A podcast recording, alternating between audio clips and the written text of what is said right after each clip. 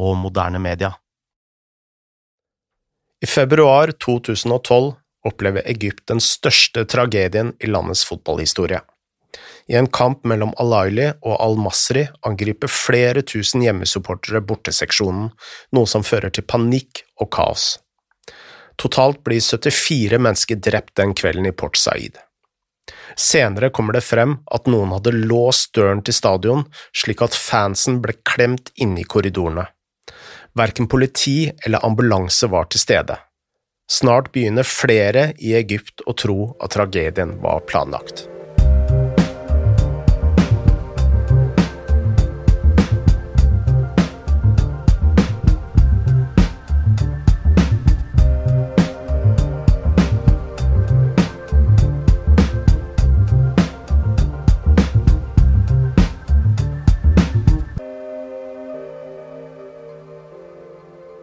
Da Hosni Mubarak ble kastet ut av revolusjonen i februar 2011, var det stor jubel i Egypt. Endelig var diktatoren borte, og de mest optimistiske egypterne så frem til en tid med demokrati og økonomisk vekst, samt mindre arbeidsledighet og korrupsjon.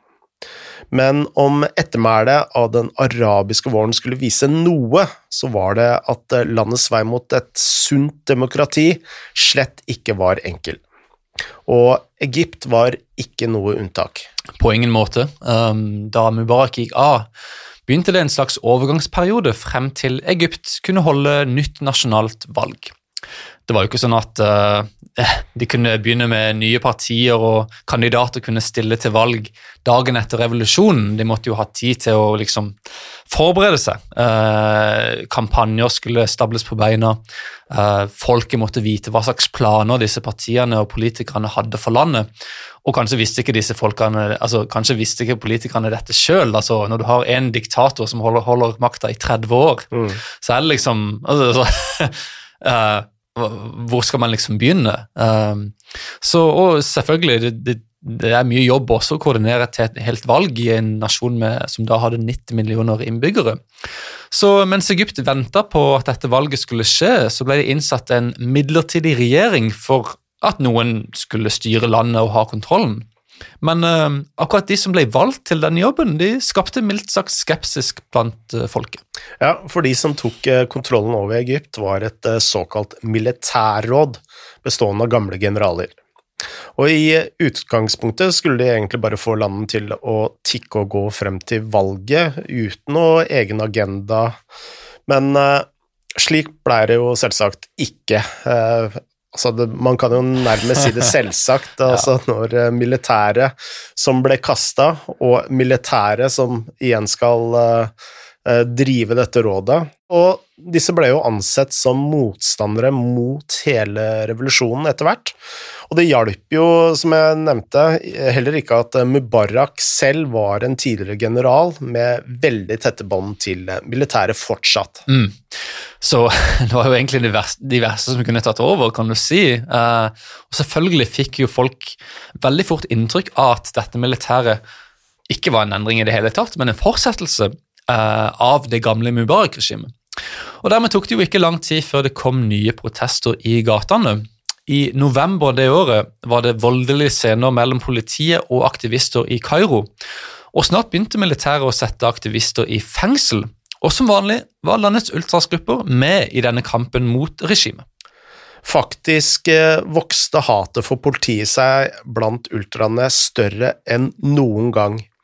Et av opptøyene mot politiet kosta livet til Mohammed Mustafa Kareka, et eh, medlem av eh, Ultras Alawi. Og dette ble ansett som et direkte angrep eh, på hele ultrasbevegelsen. Da ligaen var i gang, protesterte fansen heftig mot militærrådet. Og I januar 2012 holdt eksempel Alawi opp et banner hvor Mohammed Hussein Tantawi, altså lederen i militærrådet, hvor han eh, så ut som en vampyr. Ja, det kan umulig ha falt i særlig god smak eh, blant et militærregime som helt sikkert hadde lyst til å kontrollere store deler av landet på samme måte som Mubarak gjorde. Men det er jo viktig å huske her at det ikke bare var fotballfansen som kritiserte dette rådet. La oss høre mer om stemninga i landet etter revolusjonen fra Mahmoud Khaled.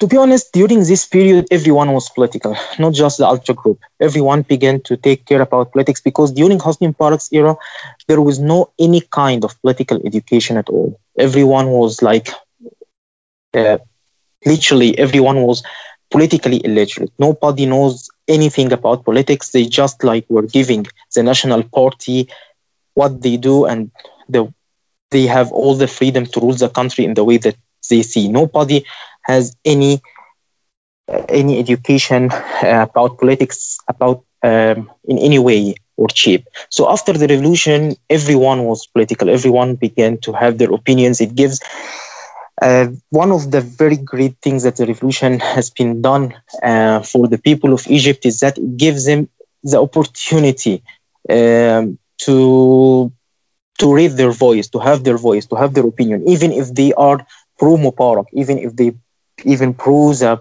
old regime.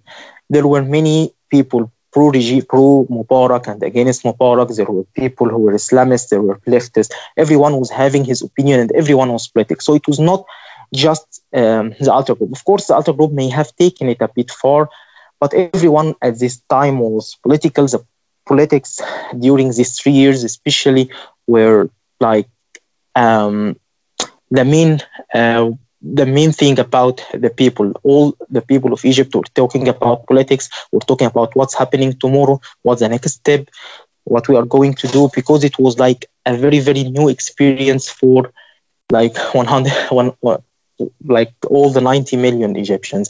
It was a whole new experience for all of them. Uh, that's why everything was political. They might have taken it a bit far. They were against um, military um, uh, regimes that was ruling Egypt during this uh, transient period um, because they were believing that they were pro Mubarak and they are going to defend the Mubarak because Mubarak is a former army man. So they were believing that he is going to defend him. They are not giving uh, and they are not allowing the revolution to progress and to have its people in the power and are starting to to repress people again and starting to do same things as Mubarak regime starting to do. That's why they were using and they use the freedom that the revolution have tried to give in a bit, and they tried to use it in the pitch against this military regime that was ruling Egypt during this period, because they have believed like this uh, military regime has taken the revolution away from its path and started to do things that Mubarak used to do from like brutal police from uh, kidnapping people and some things that start happening again during this period, this transient period. They believe that this military regime should not be ruling Egypt because this military regime has been appointed by, by Mubarak and they are going to defend their man who is Hosni Mubarak. So they wanted, um, they always wanted this regime to go away and we have a new um, people who like belong to the revolution and are going to defend the revolution and understand uh, what the people want and what the revolution want to achieve during this transient period. That's what they wanted. And also they want they was fearing that um, this regime is going to like take uh, the elections for themselves or like for their people or will not be a free elections for everyone that's why there were many clashes between the police and between the uh, between the regime itself and between the ultra group at this period, of course. Innen februar 2012 var altså hatet mellom Alawi og politiet på sitt aller sterkeste. Og Det er viktig å vite uh, konteksten og liksom hatet som brygga i bakgrunnen her. Uh, fordi altså, Politiet hata jo fansen, altså disse ultraene, tilbake også. Og det er viktig å huske, fordi den måneden dro Al-Ali fra Kairo til Port Said, en by ved nordøstkysten, for å spille en kamp mot Al-Masri. En horde bortefans tok selvfølgelig turen for å se den kampen, som burde endt med en enkeltseier til Al-Ali. De tapte kampen 3-1, som var overraskende nok, men det var på ingen måte den store nyheten den kvelden, fordi etter at fløyta gikk, begynte flere hundre hjemmefans å storme banen med flasker, kniver og steiner. Det var ingen vakter eller eh, politi der som eh, kunne stoppe dem. De styrta mot eh, borteseksjonen hvor Alawis medlemmer bare sto der helt forsvarsløse. Og noen av dem ble slått og knivstukket med lange macheter. Og da de prøvde å komme seg ut av stadion, hadde noen låst døra, slik at flere fans ble rett og slett klemt i hjel i tunnelen. Noen fans eh, flyktet eh, til garderoben, hvor spillerne også hadde søkt dekning. Og der eh, døde faktisk en fan bokstavelig talt i armene til en av spillerne. Og totalt døde 74 mennesker i Port Said den kvelden. Alle utenom to var medlemmer av Ultras Alawi. Port Said er den største tragedien i Egypts fotballhistorie. Og om du ser videoen av det som skjedde, så er det jo altså sånn, Du tror nesten ikke det du ser. Uh, dette var jo ikke en sånn provinsiell kamp på en sånn knøttliten stadion som, som, ingen fulgte med på. så Dette var på TV, og uh, du liksom er, Du ser helt klart hva som skjer, og, og fansen går jo virkelig etter Alalis spillere. Uh, altså, de må jo bare flykte for livet til andre siden av banen. og løper forbi reklameskiltene og inn i tunnelen så fort de kan. og Det er masser masser av folk ute på banen. Det er masse masse folk. Fullt kaos. Eh, det oppstår, en brann på tribunen. Ingen har kontroll på dette i det hele tatt. og eh, Konsekvensene de, de ble jo selvfølgelig enorme. Eh, I dagene etterpå var det kontinuerlige protester over hele landet. Og Det fantes så mange spørsmål om det som hadde skjedd. Altså, Hvor var politiet her? De, de pleier jo de, de pleide jo å og sørge for kontroll og sikkerhet på disse kampene. her. Hvor var ambulansene? Det skulle jo være helsepersonell som kunne stå klar hvis noen ble skada. Og hvorfor hadde noen låst døra til stadion? Altså, Det var så mye som virka rart. og eh, Det hele kunne jo virke litt som, som om det var en koordinert plan, koordinert plan her for å angripe noen av disse ultrasupporterne. Ja, fordi når man ser på videoen, så er det jo helt åpenbart at uh, i det uh, uh, Eh, Masri-supporterne entrer banen, så gjør de det med ett motiv, og det er jo å løpe bort til eh, borteseksjonen. Så de eh, entrer jo banen med et veldig klart mål.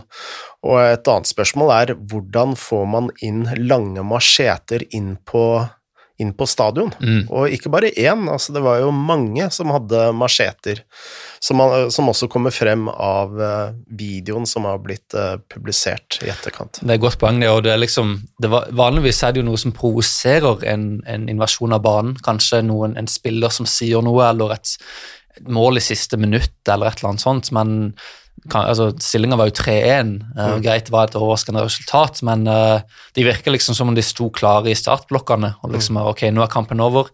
Vi flyr ut og gjør det vi har planer om å gjøre. Uh, det var ingen vanlig baneinvasjon, det er helt sikkert. Nei, for ultrasgruppene selv var ikke i tvil om hva som hadde skjedd. De anklaga politiet for å ha koordinert angrepet og anså det som eh, hadde skjedd som en slags revansj fra militæret på fotballfansen og rollen de hadde spilt i løpet av revolusjonen. Også Det muslimske brorskapet støtta denne teorien, da de mistenkte at eh, deler av militæret fortsatt var lojale til eh, Mubarak.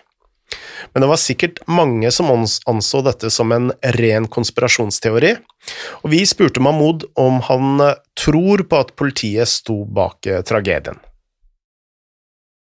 Personally, I do, uh, because um, like a couple of games away from this, uh, from Al Masri's games, um, like there were a game between Ahli and Mahalla in Mahalla, and um, Al Mahalla had uh, a goal that was disallowed in the last minute, or the Ahli scored a goal that Mahala fans thought that it should be disallowed in the last minute. It was an equalizer.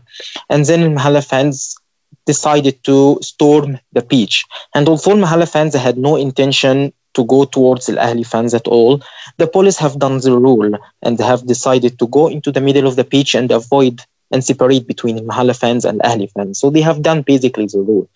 When you look at what happened in Masri, where they were not involved at all, they allowed what was happening during before even this game during this game after this game was something like it was so clear that was something was something to happen, and the police were not involved neither before, neither during, nor after the game. It was very weird how the police were reacting during this game and before the game. Every goal Masri's fans has called the people in the stands, whoever they are, whether they are the fans or whether they are the uh, hired by the police, they were storming the pitch and celebrating with the fans without any interference from the police. And after the game, these people came from the stands and they were directed, not just celebrating, no, they were going direct towards the Ahli fans without any interference from the police, and then the gates were closed.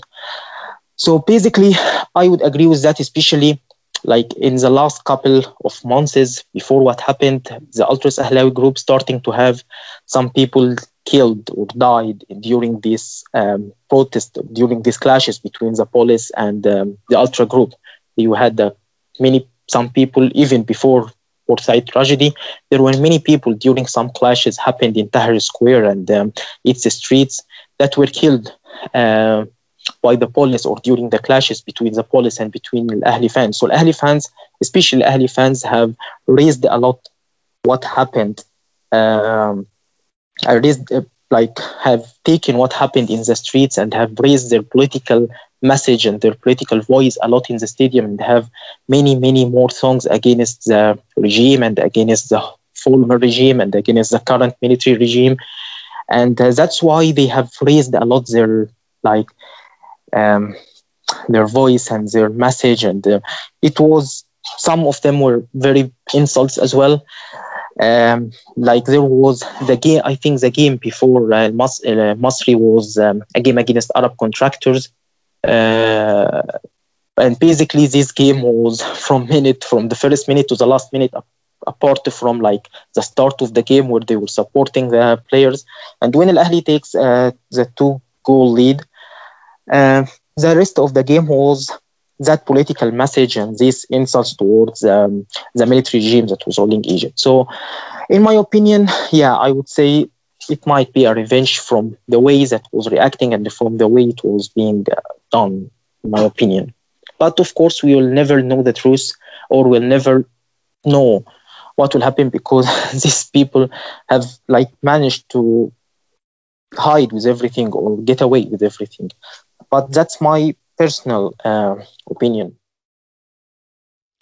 Som følge av Port Said ble den egyptiske toppserien kansellert, og det skulle jo selvfølgelig bare mangle.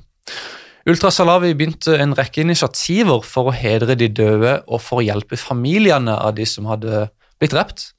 Mens eh, andre aktivister i Egypt fortsatte protestene mot militæret, så mista ultraene litt kontakten med den politiske scenen de hadde blitt så såra at de rett og slett bare måtte konsentrere seg om å ta vare på, på sine egne og, og, på de som ja, gikk gjennom traumer og, og osv. Så, så uh, i 2013, for eksempel, da folket protesterte mot president Mohammed Morsi fra det muslimske brorskapet som hadde vunnet det første demokratiske valget, så var i praksis ikke fotballfansen involvert i det hele tatt. Og iallfall ikke de fra Alawi. Og Årsaken til det var jo at mye av fokuset til Alawi var å straffe de som sto bak Port Said, og da spesielt eh, rettssaken som skulle dømme de skyldige. Og de kjempet for at eh, fotballen ikke skulle begynne igjen før de skyldige hadde fått sin straff. I september 2012 arrangerte likevel Fotballforbundet en eh, supercup i Alexandria hvor Alali skulle spille mot NP. Alawi truet med å storme stadion om kampen ble spilt, men Alali begynte å spille kamper igjen, og det sier jo litt om at eh, selve fotballklubben Alali ikke nødvendigvis delte de samme verdiene som ultraene gjorde. La oss høre mer fra Mahmoud om akkurat det. Some players, uh, like for for the rest of the season, the football season was not being played until the Super Cup in uh, in late 2012, where the football season should be resumed or would be resumed, and then there come to be Al trials to suspend the season or at least the Masris to be not involved or to uh, to take any action against them uh, because of what happened in Port Said. Uh, uh, but there was nothing done, and the football season was forced to be played. And Al Ahly, if Al Ahly was to be withdrawn, Al Ahly would lose a lot of money. So they decided to participate. But um, the fans' decision was, of course, against this. They believed that the Football Federation did not do enough in order to do anything against Al Masri in order to prevail. Uh, they believed that the Football Federation did, was just like a muppet in, for the regime. They did not do anything uh, to make anyone um, did this um, tragedy being um, uh, like taken out or having anything against them. That's why the fans were completely against the idea of resuming the league. Uh, and the players were trying, like they did not know what to do, but of course they were forced to play. But one player, which is Mohamed Aboutrika, if you know him, he's um, a legend for Ahli fans. And he decided to uh, stand with the fans and refuse to play this game and uh, refuse to um, to attend any trainings and remove and uh, moved from the camp. And he was, of course, fined by Al Ahly and fined by the Football Federation but he decided to take a step for the fans, and that's why Ultras Ahlawi Group and uh, the majority of Ahli fans love him, of course, for many things and for what he did for the club. But this action uh, for the fans um, was very massive for them. What he has done for him, he has sacrificed all the sanctions, he has sacrificed all the fines just to stand for the fans and what they wanted that the football season should not be resumed. I januar 2013 kom rettssaken endelig til sin konklusjon. 21 mennesker ble gitt dødsstraff, de fleste av disse supportere som hadde storma banen og angrepet bortefansen i Portside. Da dommen ble klar, prøvde familiene og vennene til de som var sikta, å storme fengselet i Portside. To mennesker ble skutt i hjel, og dette starta en, en flod av protester og slåsskamper over hele byen som tok livet av 40 mennesker. Da de 21 ble dømt til døden, jublet Al-Aili-fans utenfor stadionet deres i Kairo, hvor de sang og skjøt opp fyrverkeri. Dommen skulle senere bli anket og revurdert i mange år, men der og da følte i det minste Alailis ultras at en form for rettferdighet hadde seiret. Innen dette var ligaen i gang igjen bak lukkede dører, men regimets krig mot ultraene var langt fra over.